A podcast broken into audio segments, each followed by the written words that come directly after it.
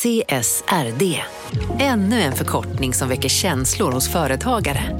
Men lugn, våra rådgivare här på PWC har koll på det som din verksamhet berörs av. Från hållbarhetslösningar och nya regelverk till affärsutveckling och ansvarsfulla AI-strategier. Välkommen till PWC. Du, åker på ekonomin. Har han träffat någon? Han ser så happy ut. Var det onsdag? Det är nog Ikea. Har du dejtat någon där eller? Han säger att han bara äter. Ja, det är ju nice alltså.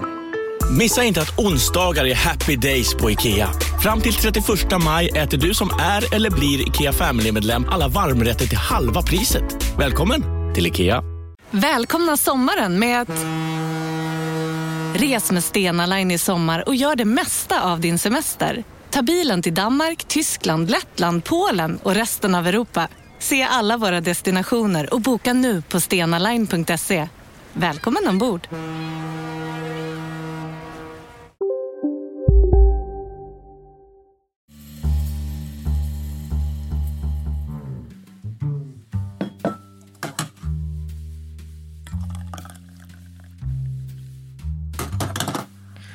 Fan ska vi göra? Kanske ska ha kaffe. Inte okej. Då blir det ingen chokladkväll.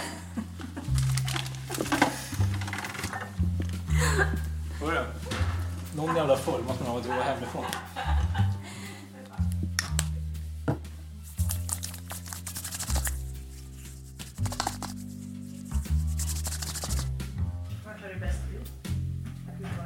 Sovrummet tror jag. Här är eventuellt med i Sveriges tolfte största ekonomipodd. Det här goda snacket. Ja. Äntligen.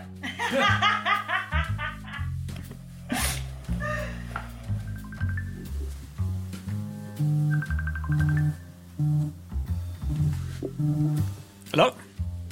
Hallå? Hallå? Hallå? Hallå? Hallå? Vilka hörs? Jag hörs. Eller jag hör mig själv. Jag hör er. Båda Du två. hörs. Jag hör er. Eh, men då stänger jag av radion då, så kör vi. Eller? Ja.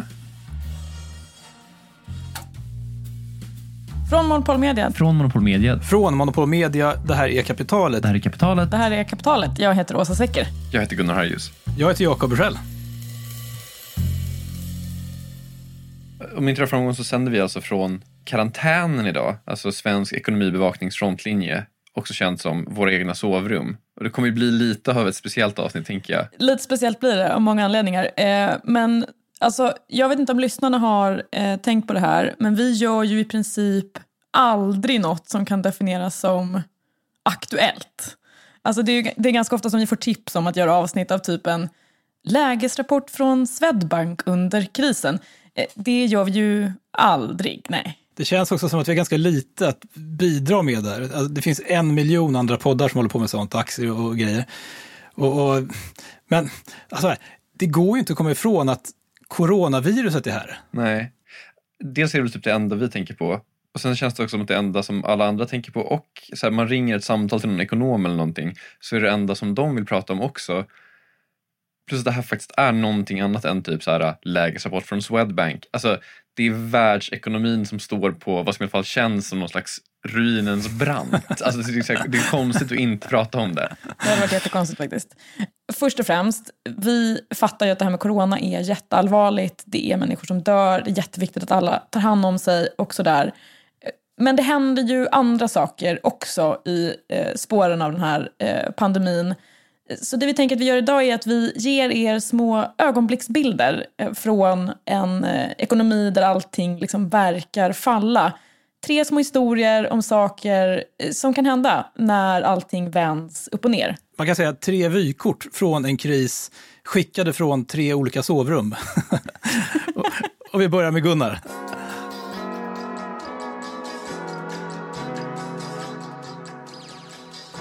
Det finns ett uttryck då som jag har hört dyka upp i så den politiska diskussionen kring, kring krisen och det är att man ska aldrig slösa bort en bra kris. Kris och möjlighet är ju samma ord på kinesiska, eller hur var det?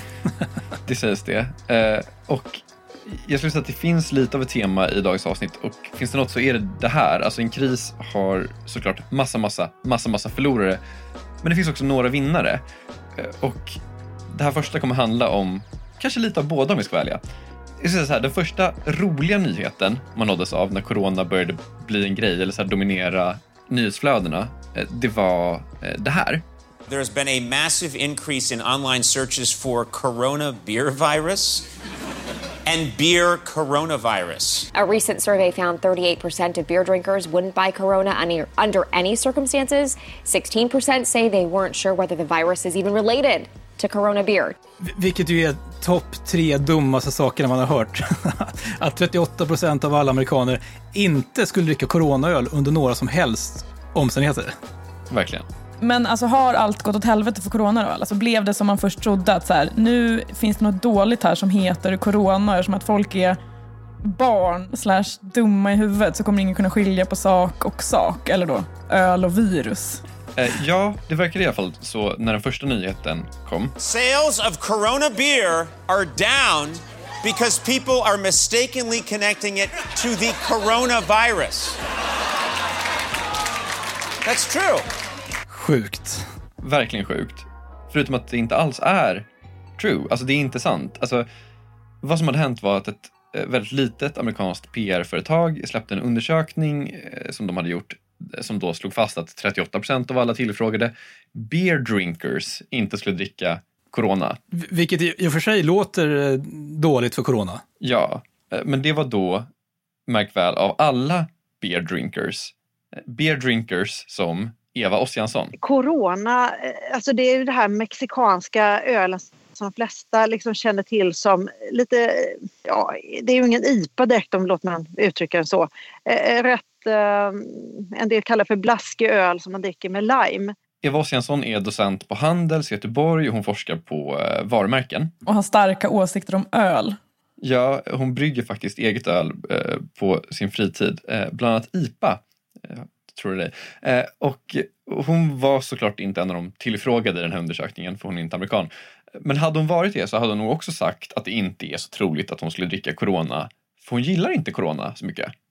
Eh, Det var här den här undersökningen gick fel då antar jag. För de sa att 38 procent inte skulle dricka corona. När det var typ 38 procent som ändå aldrig skulle få för sig att dricka corona. Precis. Av regular corona drinkers, som tydligen är en kategori som man har, så, så var det bara 4 procent som inte skulle dricka corona nu. Vilket då inte är lika dåligt som 38 procent. Men ändå lite förvånade. Men Om man är en person som dricker corona eh, så vet man väl att det Är du corona med coronaölen? Ja, men man vet väl att det, att det inte är ett virus. Det, det är inget flytande virus. Precis, det vet man ju.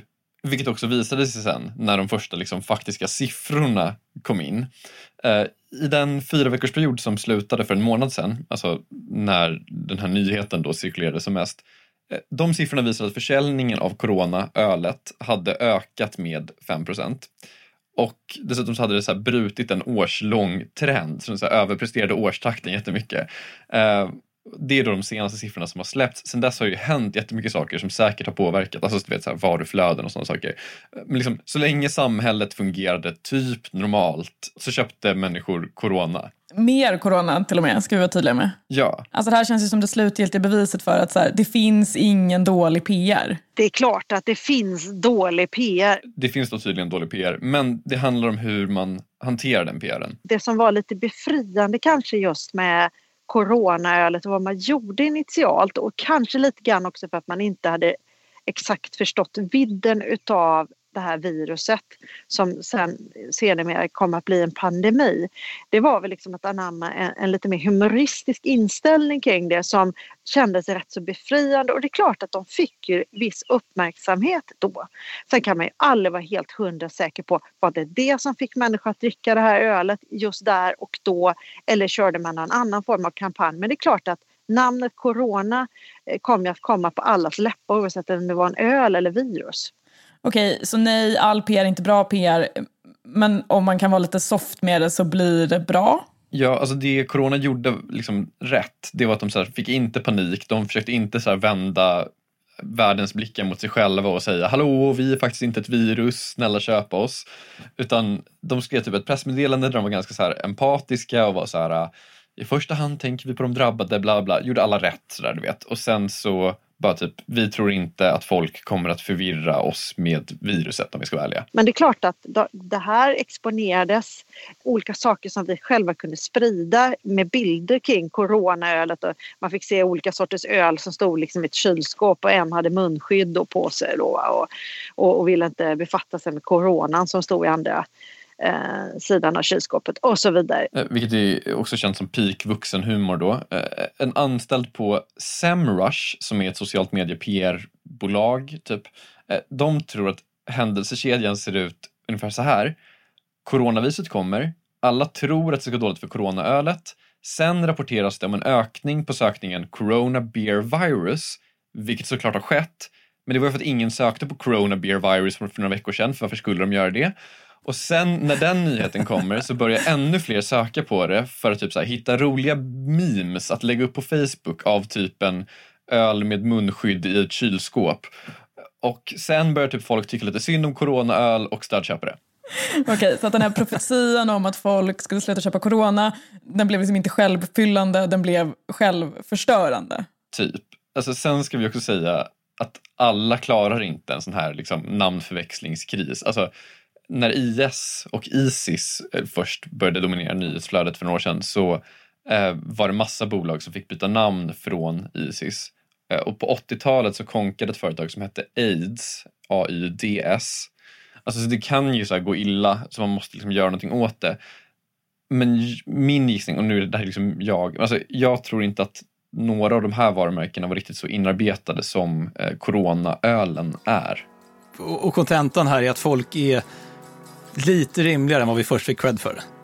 Lite rimligare i alla fall. Alltså, vi fattar att viruset inte kommer från en öl och vi känner inte att oj, då måste vi sluta dricka Corona. Även om Eva Ossiansson kanske inte skulle dricka Corona. Det finns så många andra olika sorters goda öl som man kan dricka idag så att det, mm, det kan hända att jag satsar på någon annan med lite, lite annan smak, ja. Och bara för att förtydliga en sista gång. Coronaviruset och coronaöl är 100% samma sak. Man blir sjuk av att dricka corona. när vi är tillbaka, vad googlar vi egentligen på när världen går under?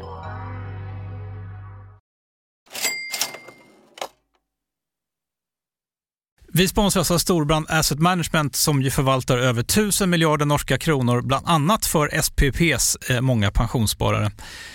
För två år sedan så investerade Storebrand i drygt 60 tåg, alltså tågvagnar, eh, som rullar mellan London och Skottland.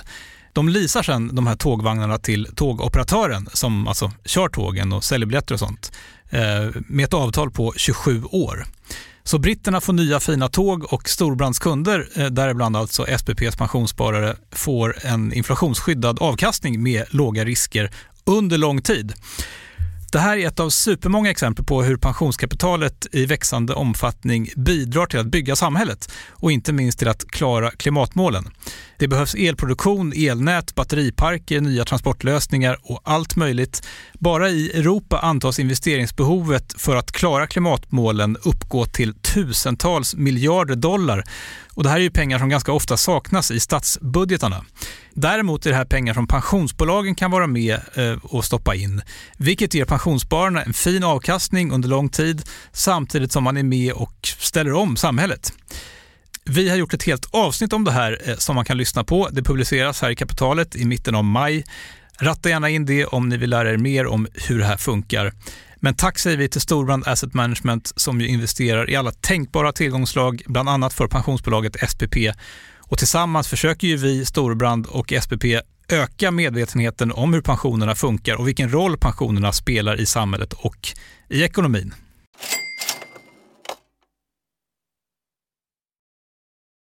Okej Jakob, jag hade ju med mig en lite så oväntad vinnare som man först trodde var en förlorare av det här viruset. Mm. Vad har du med dig? Eh, jag har kollat på, på två grejer. Mm. Eh, en av de första grejerna som jag började tänka på när liksom paniken bröt ut, det var faktiskt Google. Okej. Okay. Ja, men så här, vi, vi, handlar ju mer och mer på nätet och, och den kanske viktigaste trafikkällan för alla e-handlare är Google. Alltså det är typ den viktigaste trafikkällan för kapitalet också. Ja. Man säger att runt 90 procent av alla konsumenter söker på Google någon gång i en sån här, så kallad köpprocess. Och eftersom det här är så mätbart så kan man ju tänka sig att det var här, eh, på Google, som man först kunde se den här psykosen ta form. Att liksom Google är så frontlinjen för alla trender, men kanske ännu mer nu i så pandemitider. Eh, exakt, och, för att få en bild av hur det ser ut på den här frontlinjen så, så ringde jag då från min karantän med den här killen. Jag heter Niklas Strandlund och eh, eh jag är idag VD i Kontorsgiganten. Lång historia kort. Eh, Niklas har jobbat med internet i nästan 20 år. Kontorsgiganten, de säljer kontorsmaterial och eh, massa annat till företag och, och privatpersoner.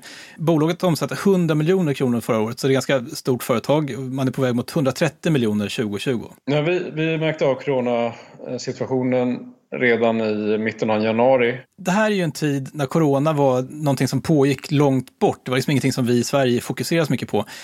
Men Niklas och hans kollegor, de märker plötsligt att en produkt i sortimentet börjar sälja ofattbart bra. Jag tror att vi, jag tittade på hur statistiken såg ut för eh, från en vecka till en annan så var det en ökning med 5000 procent eh, i försäljning av munskydd. Det man får komma ihåg är att ett företag som Kontorsgiganten de säljer inte så mycket munskydd i vanliga fall. Men, men nu så kunde de ha plötsligt då tusen ordrar på en vecka. Vilket är en jävla ökning. Otrolig ökning. Då är det så att Kontorsgiganten, de har inget lager, det är ett så kallat dropship-företag. Så det innebär att när en kund köper någonting på sajten, då kliver Kontorsgiganten i sin tur in och köper varan från en leverantör.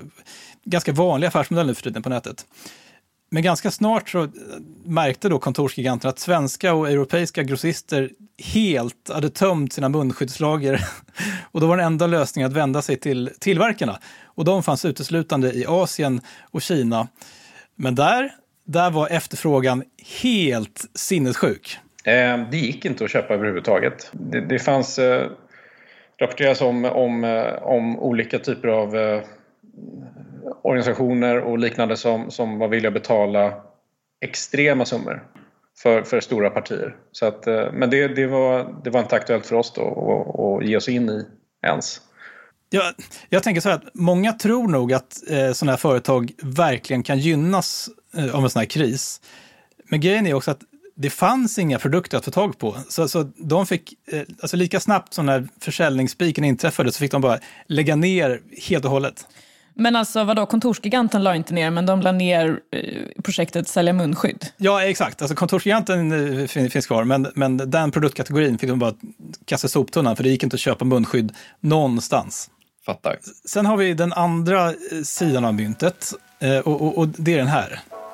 Eh, Det är intensivt. Det är långa, långa dagar kan jag säga. Men, eh, men eh, ja, det är full fart. Där är en kille som inte har haft det särskilt kul de senaste dagarna. Han heter Henrik Kruse och är vd för Bullbar. Som alltså är precis vad det låter, en bar där man kan spela boll, eller hur? Absolut. Eh, jag tror att ganska många känner igen konceptet. De har åtta restauranger i fem städer, omsätter uppemot 180 miljoner kronor och har hundratals människor på lönelistan. Januari och februari var riktigt bra. Det har gått exakt enligt plan, eller lite bättre till och med. Eh, Och mars och april såg också väldigt, väldigt bra ut. Så Henrik berättade då att eh, de, den 6 mars, och det här är alltså bara förra, förra fredagen, så hade de ett styrelsemöte. Så vi hade ett styrelsemöte på fredagen. Då tog vi upp corona utifrån ett hygienperspektiv och hur vi skulle jobba internt med rutiner och så vidare. Alltså det är ju kul, slash fascinerande i alla fall, att höra det här med facit i hand. Alltså att man så här såg corona främst ur något slags hygienperspektiv sådär i starten. Exakt. För sen, sen kommer helgen, eh, han går tillbaka till jobbet på måndag och då ser de i realtid hur, i, i bokningssystemet hur någonting håller på att hända där ute i de här åtta restaurangerna.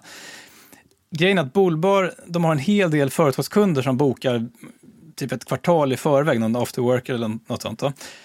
Sen har de såklart en massa folk som bara dyker upp. Men nu börjar folk ringa in och avboka och, och inte bara så här sporadiskt utan i princip alla på en gång. Vi såg att det vek överallt på en gång.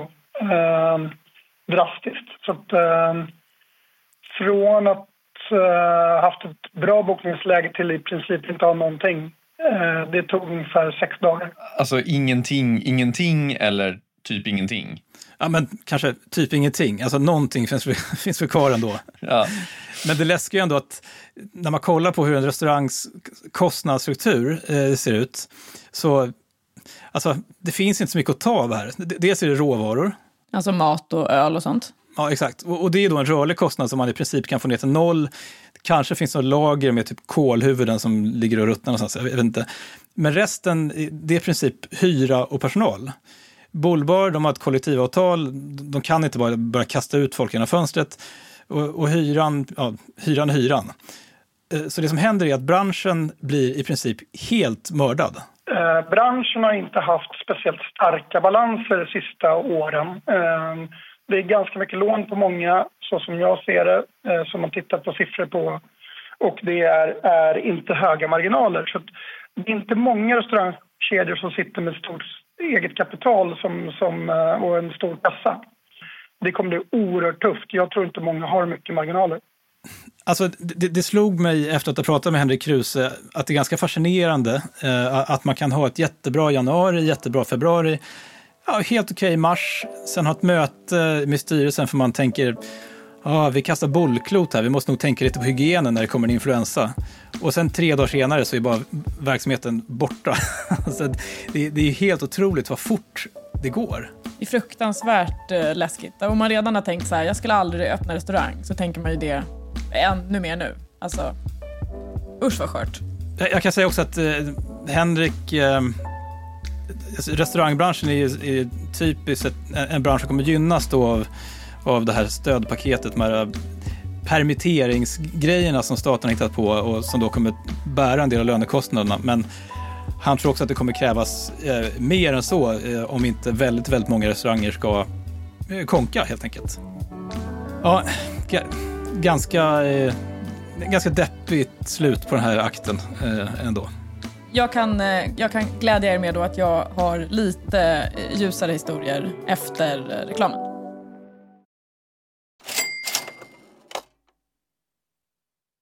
Kapitalet sponsras av Master Exchange, plattformen där du som privatperson kan investera i låtar och får pengar varje gång de här låtarna spelas. Eh, vi berättade ju senast eh, om barnlåten Puff the Magic Dragon som noterades av Master Exchange under våren. Nu har utdelningen på den låten kommit, eller royaltyn som vi säger i musikbranschen. Eh, den ligger på drygt 12% i årstakt och det här är ju en avkastning som är helt okorrelerad till börsen. Till och med Goldman Sachs har börjat skriva om just musik som investering just ur det här perspektivet. Nu finns en möjlighet att investera i en ny låt. Eh, låten heter Boss Bitch och den är av Doja Cat eh, som, eh, alltså jag ska inte säga att jag är superdeep här men eh, det är ändå en, en, person som jag vet om det är. En, en världskändis. Den här låten gav baserad på förra årets spelningar en avkastning på drygt 13% Master Exchange har just nu en väntelista på registreringar. Det, det, går lite för bra för dem kan man säga. Men skriver ni in kapitalet som promo code så kan ni runda kön och ansöka om andelar i låten Boss Bitch ändå. Om ni investerar helt vanliga pengar, det är inget krypto eller sånt där, så vill du investera i musik och få en avkastning som är helt okorrelerad med börsen och kanske inte minst eh, för att det är kul att äga låtar, eh, så kan man gå in på masterexchange.com och använda kapitalet som promo code så går man alltså förbi kön. Kom ihåg dock att alla investeringar är förenade med risk, men vi säger stort, stort tack till Master Exchange. Kapitalet sponsras av Karla, Jakob. Ja, bilar igen. Ja, det är eh, härligt. På Karla kan man sälja sin elbil eh, på det gissningsvis smidigaste sättet i Sverige. Eh, Karla har ju ett nästan ett komiskt högt användarbetyg på Trustpilot. Mm. 4,8 av 5, vilket jag typ aldrig hört talas om. Nej, det är väldigt, väldigt högt. Eh, man knappar in lite info om bilen på sidan, sen får man en gratis värdering och ett bud. Accepterar du budet kommer Karla och hämtar upp bilen gratis och sätter in pengarna innan de kör iväg. Inget mer än så. Rätt fantastiskt. Nej, det är faktiskt ja. helt otroligt. Och eh, det kan bli ännu mer eh, otroligt än så. För att vi har nämligen en rabattkod som ger dig 2000 kronor extra för bilen. Så om du säljer din bil så får du två lax extra. Stämmer. Bara sådär. Koden är Monopol och eh, den uppger du när du har värderat bilen och eh, pratat med Karlas inköpare. Koden är giltig till sista maj så att passa på om du går i säljartankar. Jag undrar om vi haft en kod som har gett två lax bara sådär någon gång. Nej. Det är helt otroligt. Man behöver en bil förvisso. Absolut, så det är inte, kanske inte bara sådär. Men det är ändå 2000 kronor extra. Väldigt bra. Ja. Så sälj din elbil eller laddhybrid till Karla. Du får 2000 kronor extra med rabattkoden Monopol. Eh, hoppa in och kolla på karla.se, Karla Museet. Där kan man också köpa bilar ska jag tillägga. Verkligen. Vi säger stort tack till Karla. Jag har varit i min matbutik här med min telefonplan för att ta lite så karantäntemperatur på utbudet. Mm. Du korre på fältet. Vi vet alla vart det här är på väg, men kör. Okej, couscous. Slut. Oj, pastahyllan är jätteurplockad. Det finns ingen fusilli, det finns ingen penna, ingen rigatone. Och eh, föga förvånande, Det som är helt slut i affären är alltså toapapper. och eftersom att det här är eh, radio då, eh, så för den som undrar hur en helt tom hylla i en matbutik låter, eh, så låter den exakt så här.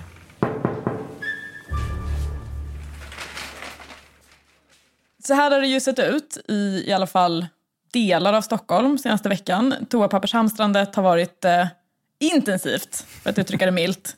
Och det är inte bara i Stockholm såklart. Det är på massa håll runt om i världen. Det har pågått slagsmål eh, i olika eh, matbutiker runt om. Det är ju lätt att förstå att folk är oroliga. Alltså att man försöker så här, förbereda sig på att man ska vara hemma mycket mer än vad man brukar. Det som gör det lite svårt att förstå eh, det här toapappershamstrandet, det är ju det här. Vi har ju inga störningar i vår produktion. Därför är ju allting precis som vanligt. Det här är Henrik Sjöström, han är kommunikatör på Essity som är Europas marknadsledande producent av så kallat consumer tissue. Alltså all typ av mjukpapper som vanliga konsumenter köper i butik, inklusive toapapper. Då. Och eh, de tillverkar just nu eh, på sitt bruk i Sverige ungefär 25 miljoner toarullar varje vecka. Essitys kommunikatörer får kanske inte höras i media varje vecka annars, men just nu så är de typ nerringda. Och den absolut vanligaste frågan som de får är såklart Eh, finns det någon risk att toapapper tar slut? Och vad är svaret då? Att vi har full produktion precis som vanligt och vi har dessutom kunnat skruva upp produktionen så att vi har för att liksom kunna möta efterfrågan. Ja, alltid skönt med lugnande eh, besked ändå. Eh, Men alltså, det måste ju gå bra för Essity nu, eller? ja, det får man nog säga. Trenden som vi ser är ju just nu att många köper toapapper. De har ju också ökat eh, produktionen lite grann i sitt bruk i Lilla Edet. Eh, däremot hade inte Henrik några så här, eh, siffror att bjuda på än, tyvärr. Eh, han menade också att så här, den här typen av försäljning går upp men annan typ av försäljning går ner lite grann. Sånt som de säljer till restauranger och så till exempel. Men alltså, det är ju rimligt att anta att de inte kommer vara förlorare när det här är över. Men sa någonting om de har, har de upplevt någonting eh, som kommer i närheten av det här förut? Den situationen vi befinner oss nu är alldeles unik. Och det här är kanske helt unikt för Essity, men det är inte första gången som det bunkras toapapper av så lite oklara anledningar. Berätta mer, tack. USA 1973. Läget i ekonomin är inte toppen. Eh, Första kvartalet så har aktiemarknaden det här året tappat 45 procent i värde. Samma höst eh, så blir det ännu värre för då är det oljekris. Eh, Bensinpriset stiger med 300 procent. Mitt i den här krisen så kommer det nyhetsrapporter om att det är brist på toapapper i Japan. Vilket spontant inte låter som en superkatastrof eftersom USA inte är Japan. Exakt. Det var också typ ingen som reagerade på det här, förutom en kille. Eh, kongressledamoten Harold Freulich, brasklapp för uttal. Eh, han hade noterat att statens Printing Office, som är, tror vi, någon slags myndighet som trycker upp typ samhällsinfo, de hade lite ont om papper. Eh, och Harold menade att det här hade med federala prisregleringar att göra eftersom att det gjorde att pappersmassafabrikerna som det då råkade finnas ganska många av i delstaten som han representerade, de eh, exporterade hellre än sålde lokalt. Eh, för att få folk att bry sig om det här eh, så skickar han ut ett pressmeddelande. Och det här pressmeddelandet får då världens spinn. Eh, svar nej, ingen bryr sig. Eh, men då märker Harold att statens inköpscentral, de har inte köpt så mycket toapapper som de brukar. Och då får han en idé. Eh, så att han skriver ett nytt pressmeddelande och nu har han liksom vävt in en varning som han tänker att det här kan inte folk ignorera. Och vad stod det i pressmeddelandet? Jo, men det stod ju att USA riskerade att stå inför en brist eh, på toalettpapper. Mm, riskerade. Och då nappar folk. Eh, ja, eh, då började det få spridning. På vägen under den här spridningen så tappades såklart eh, det väldigt viktiga ordet riskerar. Det tappades bort. Efter ett tag så var det liksom snarare ett faktum, det här kommer att inträffa. Eh, och ungefär en vecka efter att det här pressmeddelandet har skickats ut så händer det här. Uh, of all the shortages we have, there's a gasoline shortage. You know what else is disappearing from the supermarket shelves? Toilet paper. Ha ha ha, you can laugh now. There is an acute shortage of, of toilet paper in the good old United För de som inte känner igen den här rösten så är det tv-legenden Johnny Carson som alltså programledde eh, tv-programmet The Tonight Show i, håll i er, 30 år.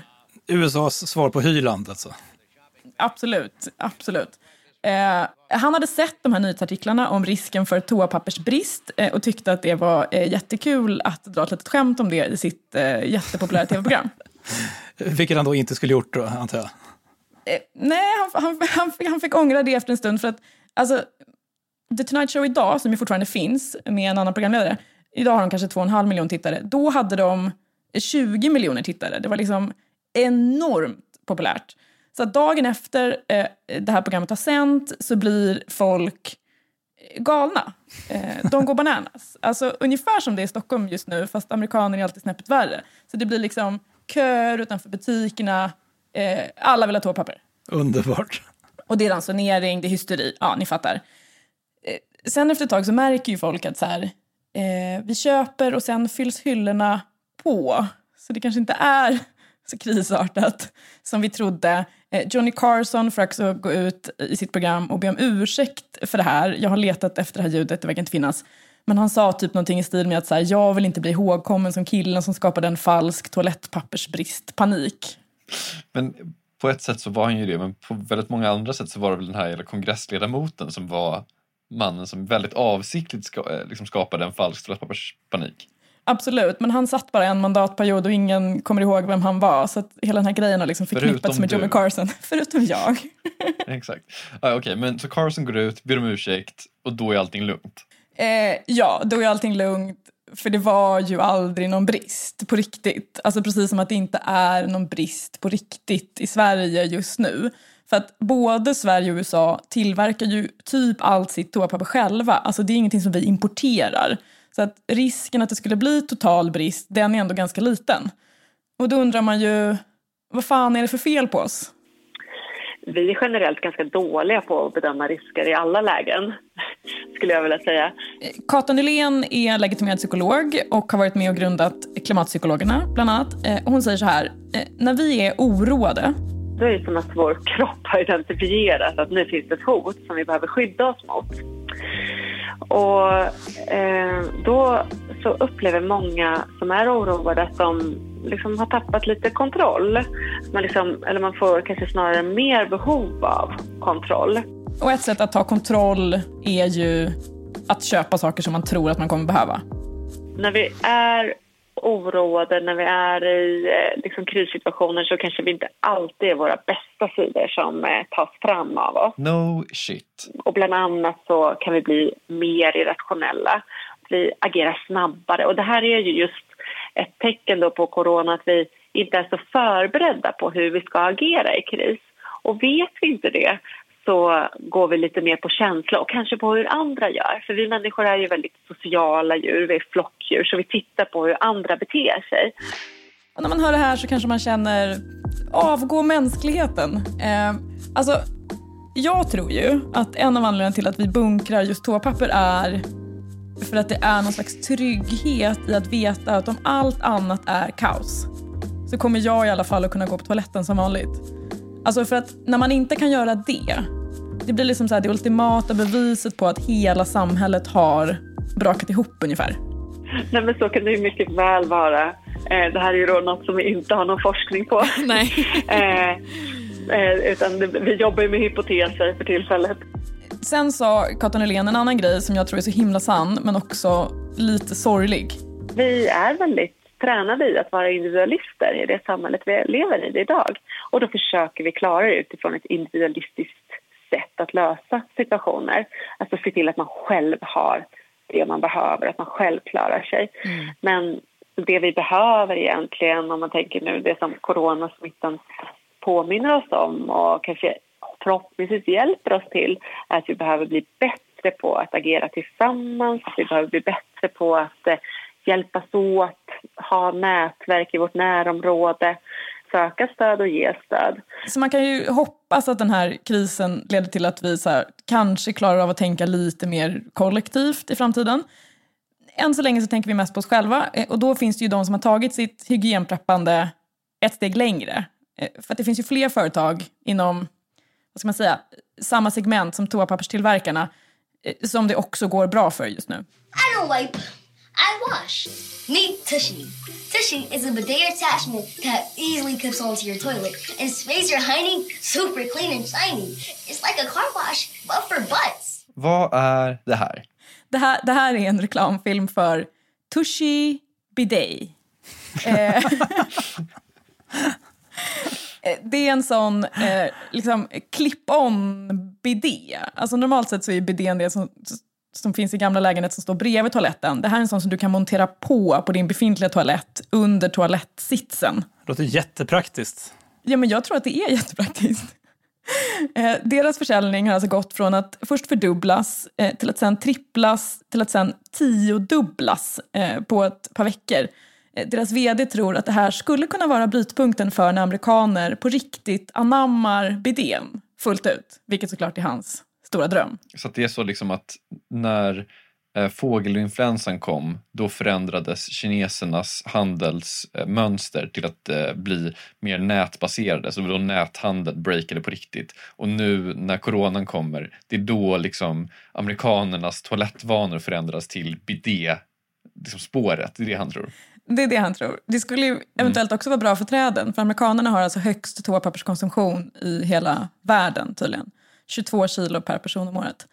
Oj. Ehm, så att för de som då har svårt att släppa sin toapappersbrist, ångest, trots att den inte är befogad, så finns det möjlighet då att börja tvätta rumpan med vatten istället. Ehm, en upplevelse som tydligen känns ungefär så här. Let's say I, you know, I want to do a bum wash, so I'm just to turn.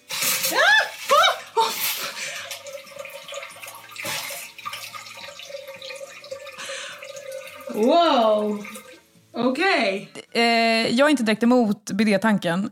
Eh, men efter att ha tittat på den här liksom, recensionsklippet som vi hörde lite ifrån nu eh, så såg det så jävla krångligt ut att montera. Så att jag känner, jag avvaktar lite. Men kul att det går bra för Tushy. Det här var ju det sista vykortet från vår coronaspecial. Det känns ju som att det kommer bli svårt att släppa vad som händer med ekonomin i coronans spår dock. Verkligen. Alltså, vi tänkte så här, om ni som lyssnar kanske har grejer som ni funderar på som helt ärligt kanske är typ lite seriösare än de sakerna som vi pratar om idag. Alltså, några grejer vi funderar på till exempel är hur bestämmer man hur stort ett stödpaket ska få vara? Eller vad händer med ekonomin när man ger liksom miljarder till bankerna? Var kommer de pengarna ifrån? Eller vad händer om alla de här åtgärderna, som ju är gamla lösningar på problemen, inte funkar? Alltså, den typen av frågor har ju vi. Eh, exakt, och, så om ni som lyssnar eh, har så här saker som ni funderar på, alltså vad är det som händer i ekonomin just nu? Eh, hör av er till oss, antingen på Facebook eller Instagram eller mejla till Gunnar, Jakob eller Åsa, asa, kapitalet.se. Så kanske vi ska göra lite mer eh, om de här frågorna under kommande avsnitt. Mm, gör det. Eh, vi som rapporterade från våra respektive sovrum idag heter Gunnar Harjus, Åsa Secker och Jakob Bushell. Vår ljudtekniker som utan tvivel har haft ett helvete med att få ihop allt det här heter Kristoffer Krook. Och glöm inte att ni fortfarande kan vinna tröjor genom att dela kapitalet med eh, vänner och bekanta via sociala medier eller på andra kreativa sätt. Eh, Ta en bild av det här och skicka till mig, gunnar.kapitalet.se. Förra veckans vinnare heter Erik Wettervik. Stort grattis till dig. Kapitalet är tillbaka igen om en vecka, men hänger ni kvar så får ni höra en intervju med vem då, Jakob? Daniel Arenstrup som är grundare av eh, fondutmanaren Saver. Superspännande historia. Hej då! Hej då! Hej!